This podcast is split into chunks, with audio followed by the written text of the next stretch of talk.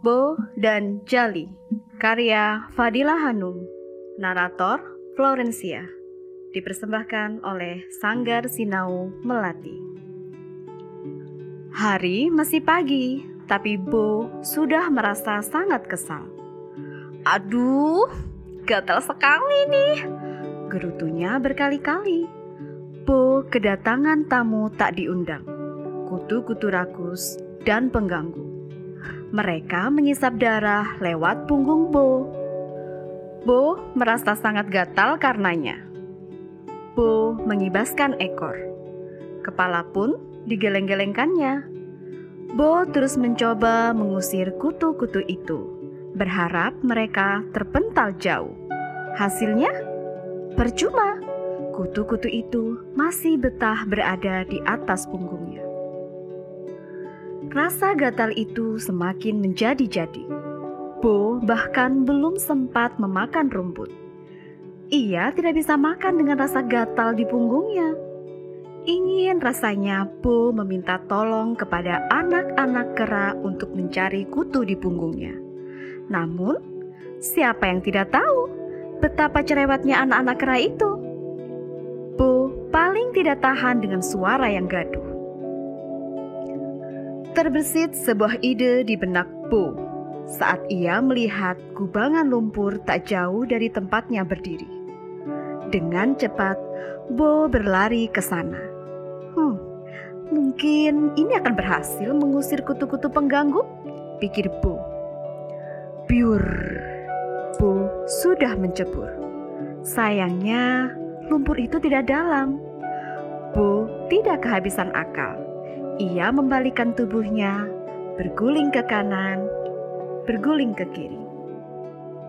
Punggungnya kini penuh dengan lumpur. Rasakan kalian, teriak Bo senang. Kutu-kutu itu terdengar panik. Tak lama kemudian, suara mereka tidak terdengar lagi. Bo berjalan ke tempatnya semula.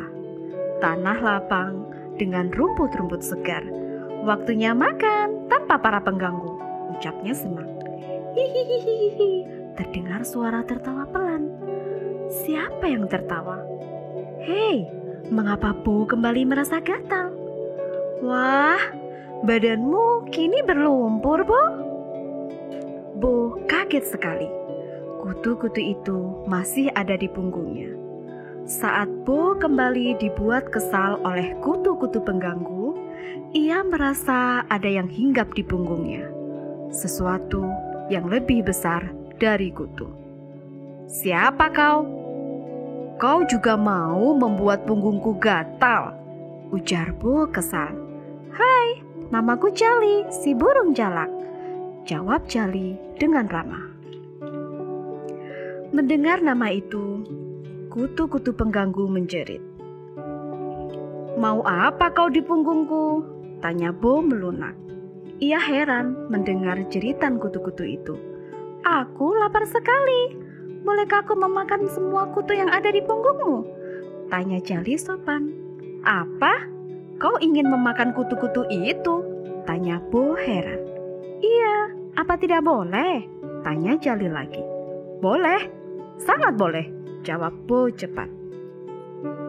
Kutu-kutu pengganggu kembali menjerit ketakutan. Mereka mencoba berlari ke sana kemari. Namun, Jali lebih gesit, mematuk mereka satu persatu dengan paruhnya. Terima kasih Jali, ucap Bo lega. Dengan senang hati, hmm, siapa namamu? Tanya Jali. Namaku Bo. Kini tidak ada lagi kutu-kutu tidak ada lagi rasa gatal itu. Po bisa makan tanpa ada yang mengganggu. Sekarang aku tahu senangnya kerbau bertemu burung jalak. Begitupun sebaliknya, kerbau tak lagi diganggu oleh kutu-kutu gatal itu karena burung jalak akan senang hati untuk segera menyantapnya. Hikmah, teman, Persahabatan yang menguntungkan ini memberi kita pelajaran berharga.